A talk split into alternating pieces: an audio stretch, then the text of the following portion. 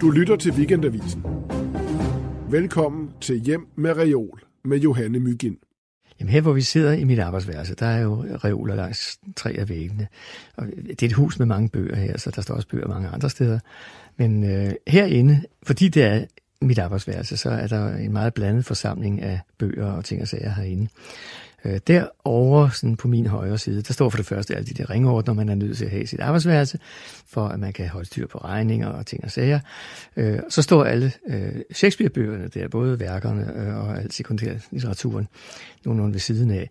Og når man så sådan ligesom er ved at være færdig med det, så kommer der nogle ordbøger, og så begynder øh, resten af skønlitteraturen. Øh, første afdeling af skønlitteraturen står oppe i stuen, og så fortsætter den hernede ind til, til slut. Og så i reolen her på min venstre side, øh, der er alle de bøger, jeg selv har oversat og skrevet, og det fylder stort set en hel reol. Hvor mange af de her bøger herinde har du selv oversat eller skrevet? Altså, øh, nu ved jeg ikke, hvor mange bøger, der lige står i reolen her, men øh, jeg, jeg har jo sådan været nødt til at lave lister over dem, og jeg er da nået op på næsten 250 titler efterhånden, så, øh, men det er også et langt liv.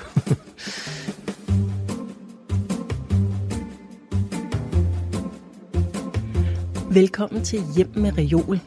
Det er Weekendavisens litteraturpodcast, hvor at jeg taler med alle de nominerede kandidater til Weekendavisens litteraturpris.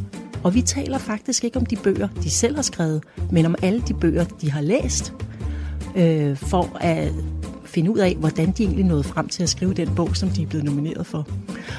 Og velkommen til dig, Niels Brunse. Jeg kan fortælle dig, at der var faktisk ikke særlig meget diskussion om, at du skulle nomineres til den her pris, fordi folk de var helt op og køre over din Shakespeare-oversættelse.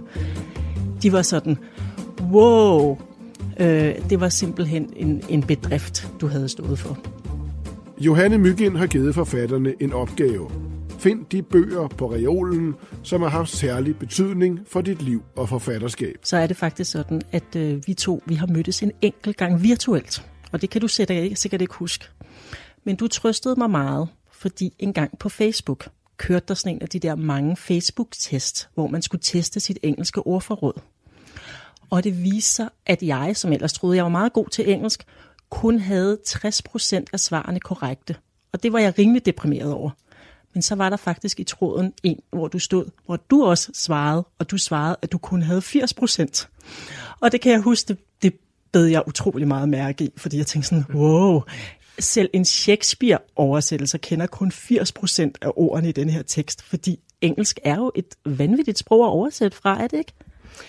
Både og. Øh, altså, øh, når du spørger sådan, så ligger der lidt i det, at øh, dansk er et, et lille færdigt sprog, og det er dansk ikke. Men øh, det kan godt være, at øh, når jeg kun nåede op til de 80 procent, at det så var fordi øh, mit ordforråd på engelsk har en stor skævhed, fordi jeg kan selvfølgelig en hel del af de der Shakespeare-gloser, der er gået ud af brug, eller ord, der betyder noget lidt andet i dag, øh, hvorimod en masse hensydninger til øh, samtidig samfundsdebat og kunst og hvad ved jeg, øh, der er jeg rimelig blank. Men øh, sådan er det jo, at man er nødt til at være lidt specialiseret. Det man ikke ved, det kan man jo læse sig til som regel, og det er blevet nemmere netop på grund af internettet, ikke på grund af Facebook, men på grund af, at man har så mange ressourcer. Så dit engelsk er et renaissance-engelsk?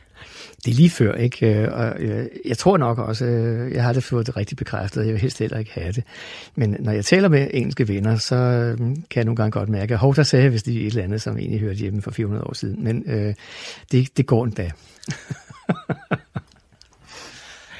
Det er sådan i det her program, at jeg har bedt alle jer forfattere om at svare på syv spørgsmål omkring de bøger, der har været allermest vigtige for jer. Og så har jeg så valgt tre af bøgerne ud, som jeg synes var vigtige, vi skulle tale om. Og i dine syv svar, der stod der Ivan, Ivan Malinowski mange gange, fordi du var vild med ham både som forfatter og som oversætter. Og så står der en sydafrikansk digter, som hedder Kutsie. Kutsie. Jeg tør nærmest ikke udtale den. Og så var det faktisk også sådan, da jeg fik din liste. Du kan godt høre, at jeg er en lidt benovet podcast været den her gang, fordi der var utrolig mange værker på denne her liste, som jeg vil ønske, at jeg havde læst, og var lidt flov over, at jeg ikke havde læst. Og så var der en enkelt bog, som jeg til min store lykke konstaterede, at den betød også rigtig meget for mig. Og det var den bog, der var vigtigst for dig, da du var barn. Og den står under W. Vil du lige tage den over i regionen? Yeah.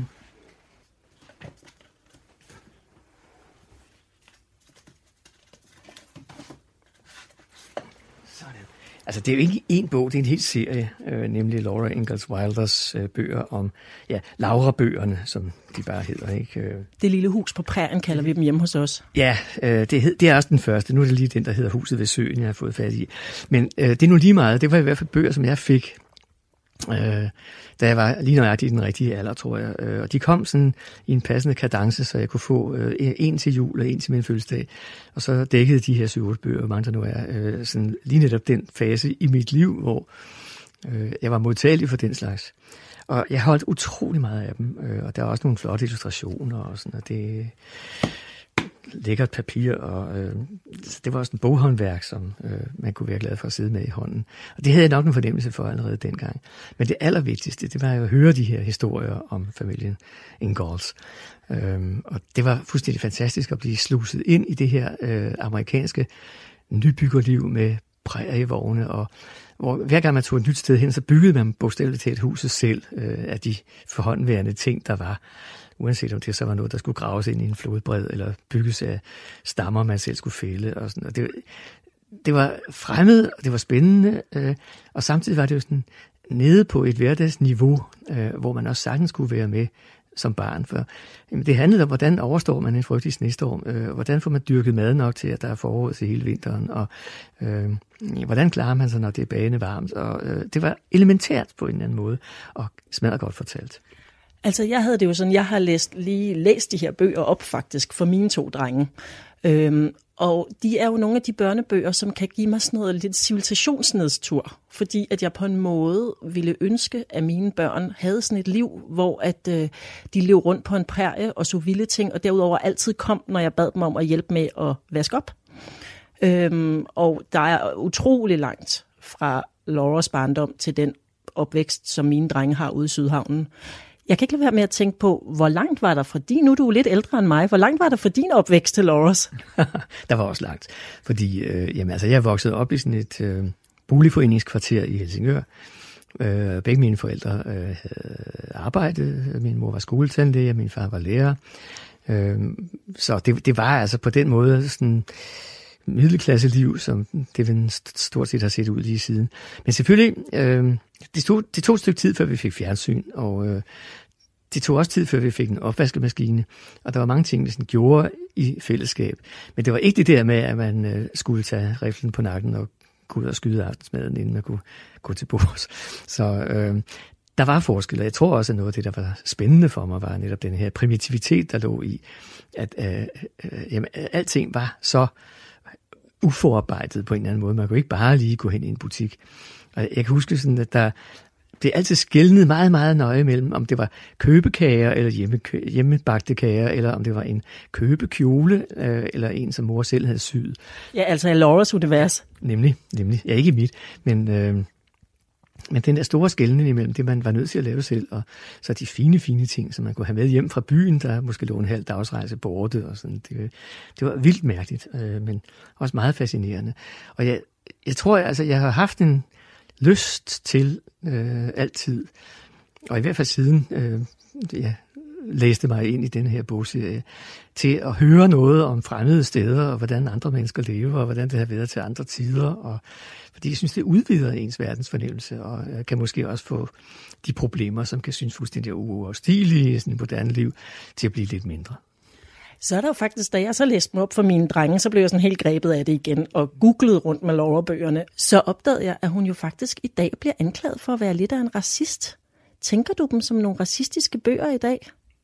Nej, det gør jeg ikke. Øh, jeg tror, jeg vil øh, anse det for at være et tidspræg. Øh, og det må man nogle gange tage med.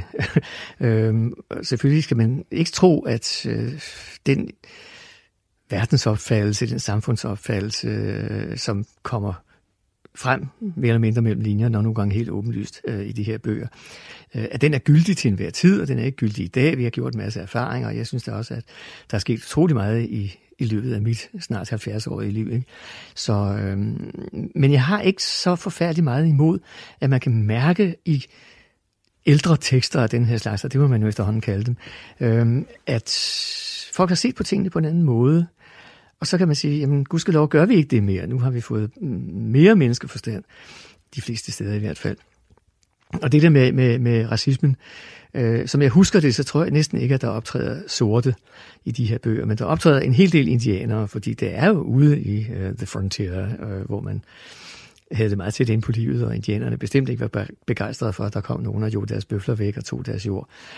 Uh, og der er uh, en scene i, i en af bøgerne, hvor uh, der simpelthen kommer nogle indianere, på besøg. Jeg tror endda, det er, mens forældrene er væk. Øh, og så, øh, så tager de bare nogle ting fra huset øh, og går deres vej igen, og de lugter underligt, og de er øh, totalt fremmede. Ikke? Og, øh, og det er klart, sådan har det været oplevet for øh, en nybyggerfamilie.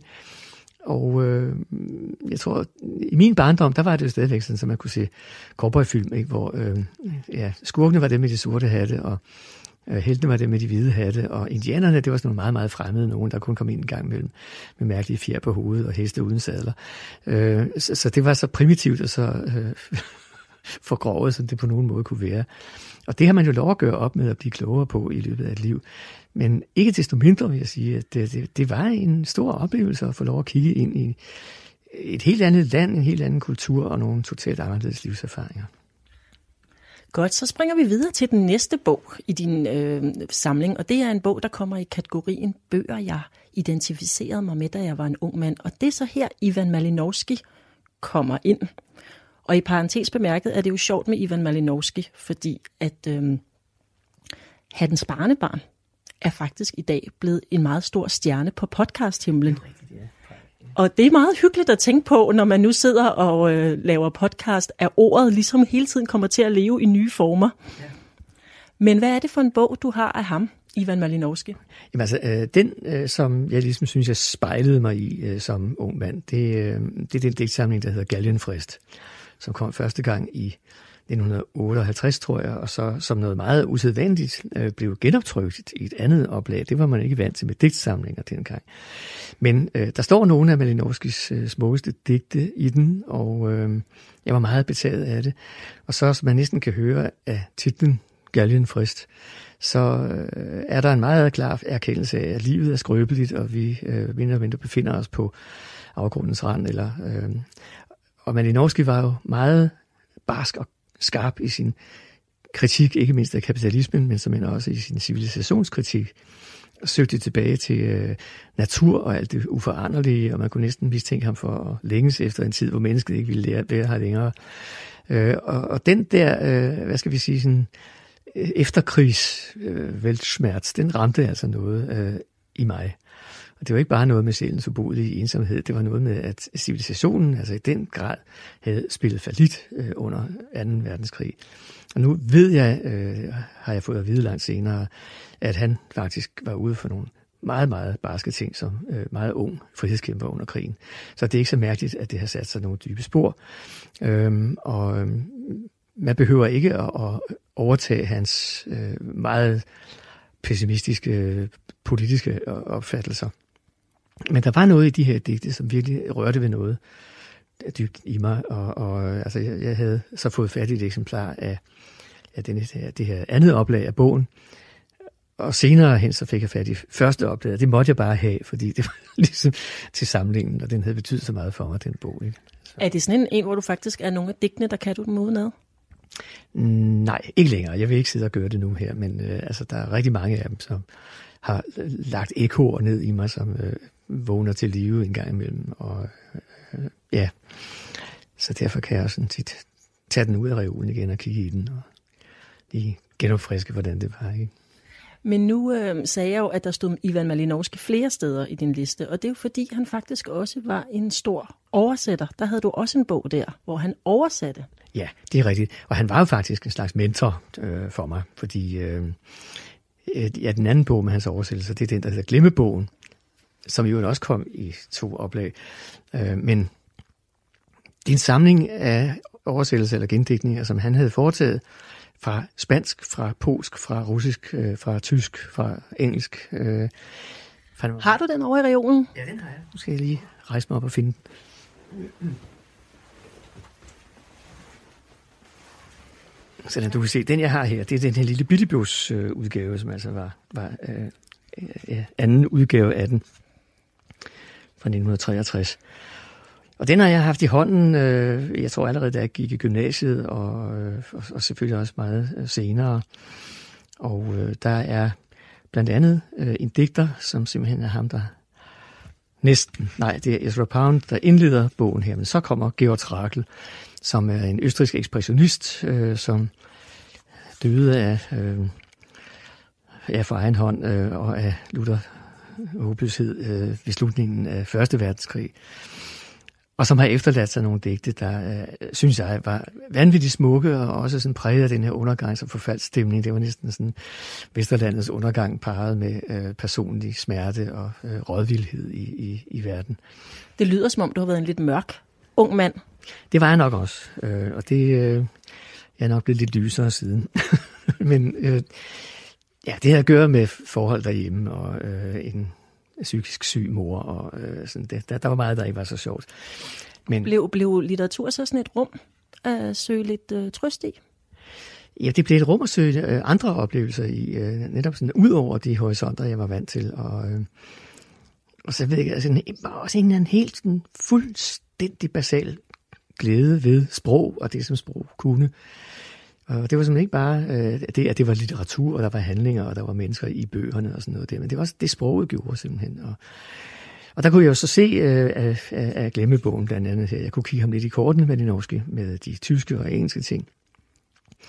Og det lærte jeg allerede noget af øh, ved at se, øh, hvordan man skal ikke bare sådan oversætte ord for ord, og man skal også overholde formen, og man kan gå nogle meget opfindsomme omveje for øh, så til sidst at opdage, at hov, man har stort set sagt det samme, som stod i originalen, bare på en anden måde.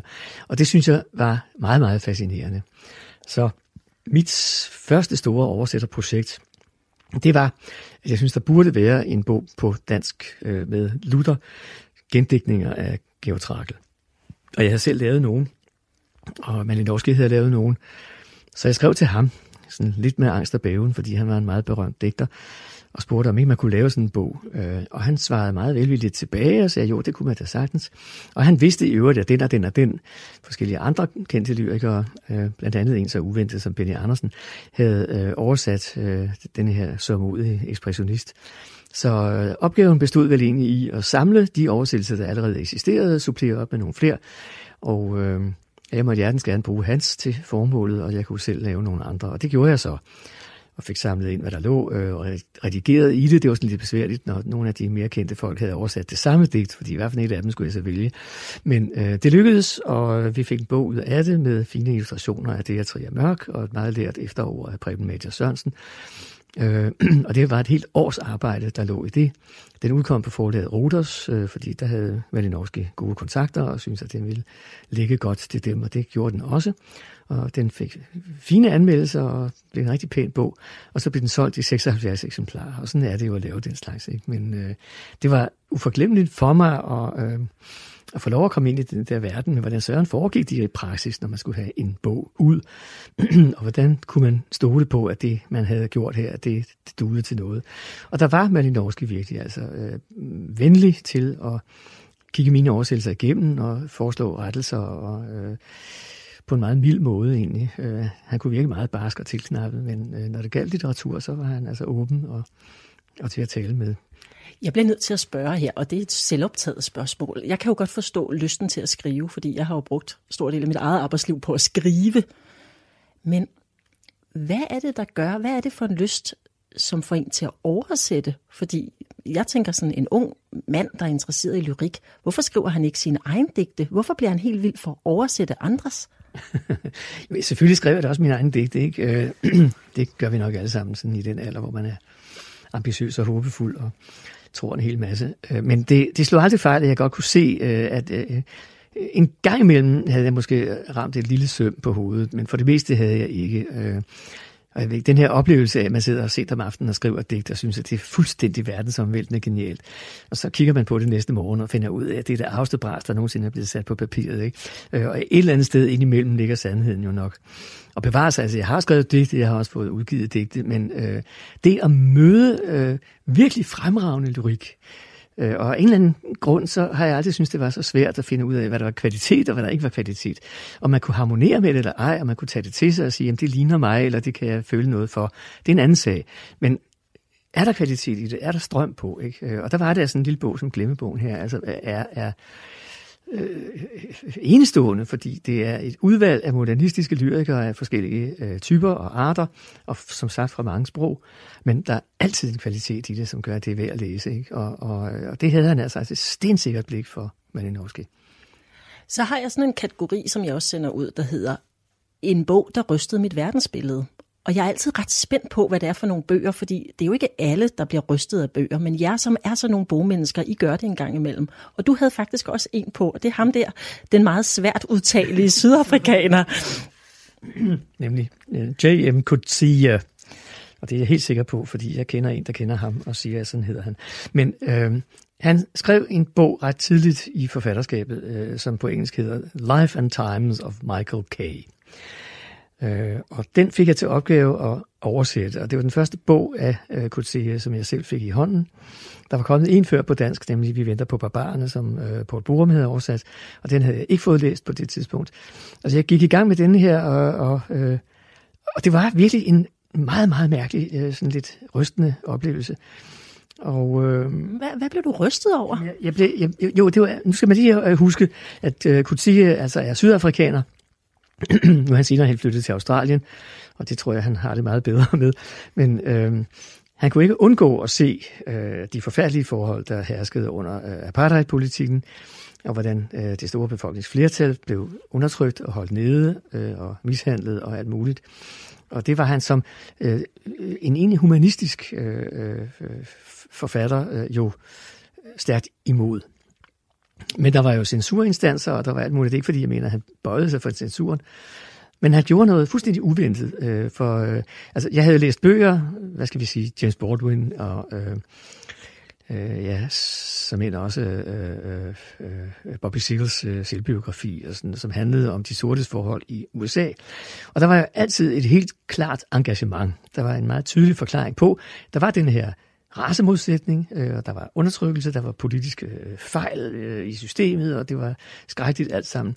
Men det hele var ligesom skrevet fra et perspektiv oppe over øh, sagerne og oppe over hverdagen.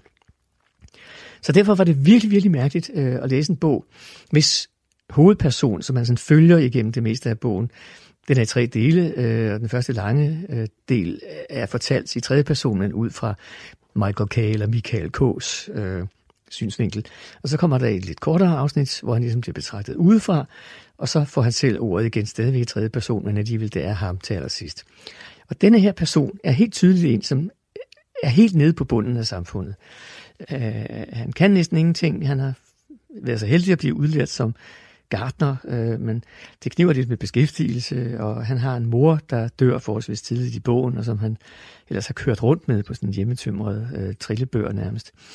Så han flakker rundt øh, i Sydafrika fra sted til sted, og har ikke rigtig lov til det, fordi der ovenikøbet udover øh, alle de ulykker, øh, apartheidregimet medfører, øh, er en ganske vist fiktiv, men alligevel øh, nærværende borgerkrig øh, i gang. Så det er meget svært for ham øh, at gebærde sig, og han sulter, og han lider nød. Og man må næsten uvilkårligt gå ud fra, at han er sort. Men det står ingen steder.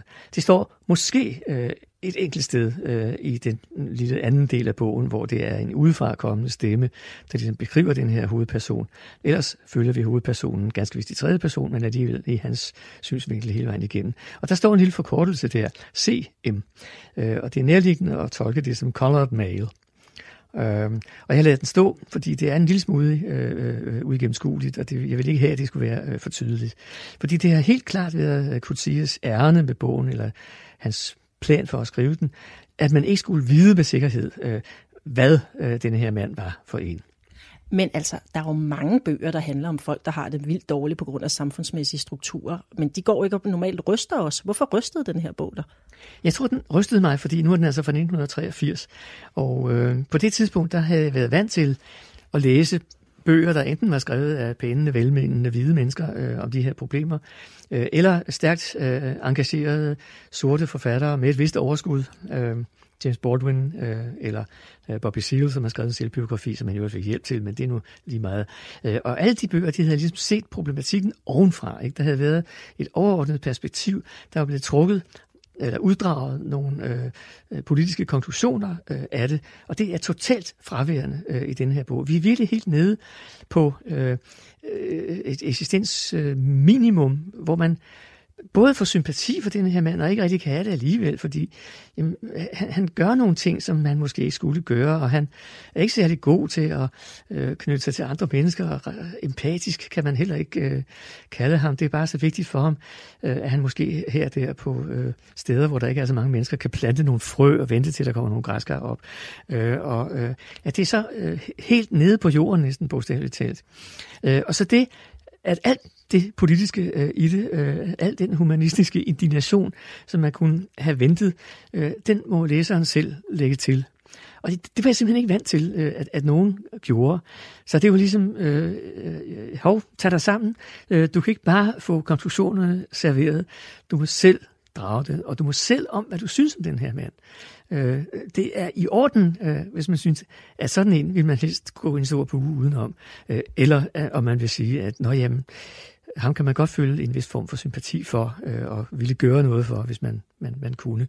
Men det var altså simpelthen øh, øh, øh, problemlitteratur, der ikke var problemlitteratur, øh, eller øh, en problemstilling stillet fuldstændig på hovedet, øh, og jeg ved ikke, hvordan jeg skal beskrive det ellers, men, men det, det var det, der var øh, det rystende. Det var måske, jo, det var på en måde også mit verdensbillede, fordi det fremgik på en eller anden måde, at man skulle ikke bare synes, at fordi folk var undertrykte, så var de gode og små mennesker, der havde ret øh, i alting. Det var faktisk i orden at synes, øh, at en undertrykt person også kan være et røvhul. Øh, og øh, det stred imod alt, hvad jeg havde lært, og jeg havde været virkelig sådan pænt mellemklasse menneske øh, i Danmark, øh, med alle mine privilegier i orden, og et bankende hjerte for de fattige i verden. Øh, og så blive konfronteret med sådan en tekst her, det, det, det var faktisk øh, barsk på en måde.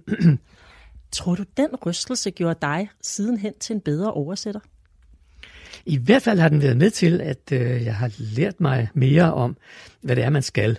Man skal ikke komme med sine forventninger og med sine forudfattede meninger. Man skal virkelig prøve at lytte sig ind på, hvad det er for en tekst, man får i hænderne, øh, hvad den kan, og hvad den vil, og hvad den gør.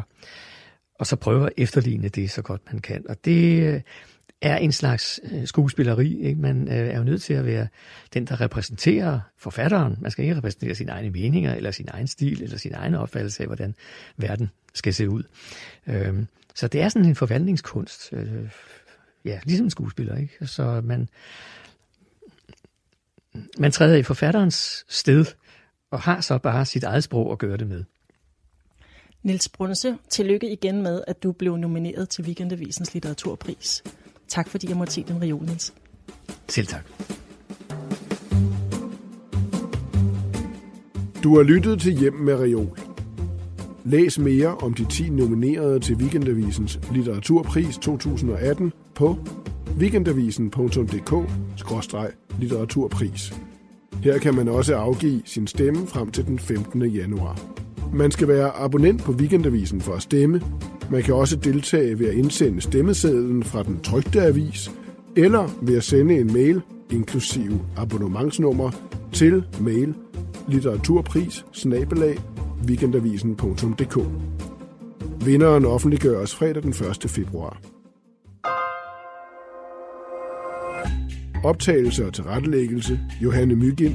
Redigering og klip Ninette Birk og Silke Fensmann. Musik Peter Christian Sejersbøl.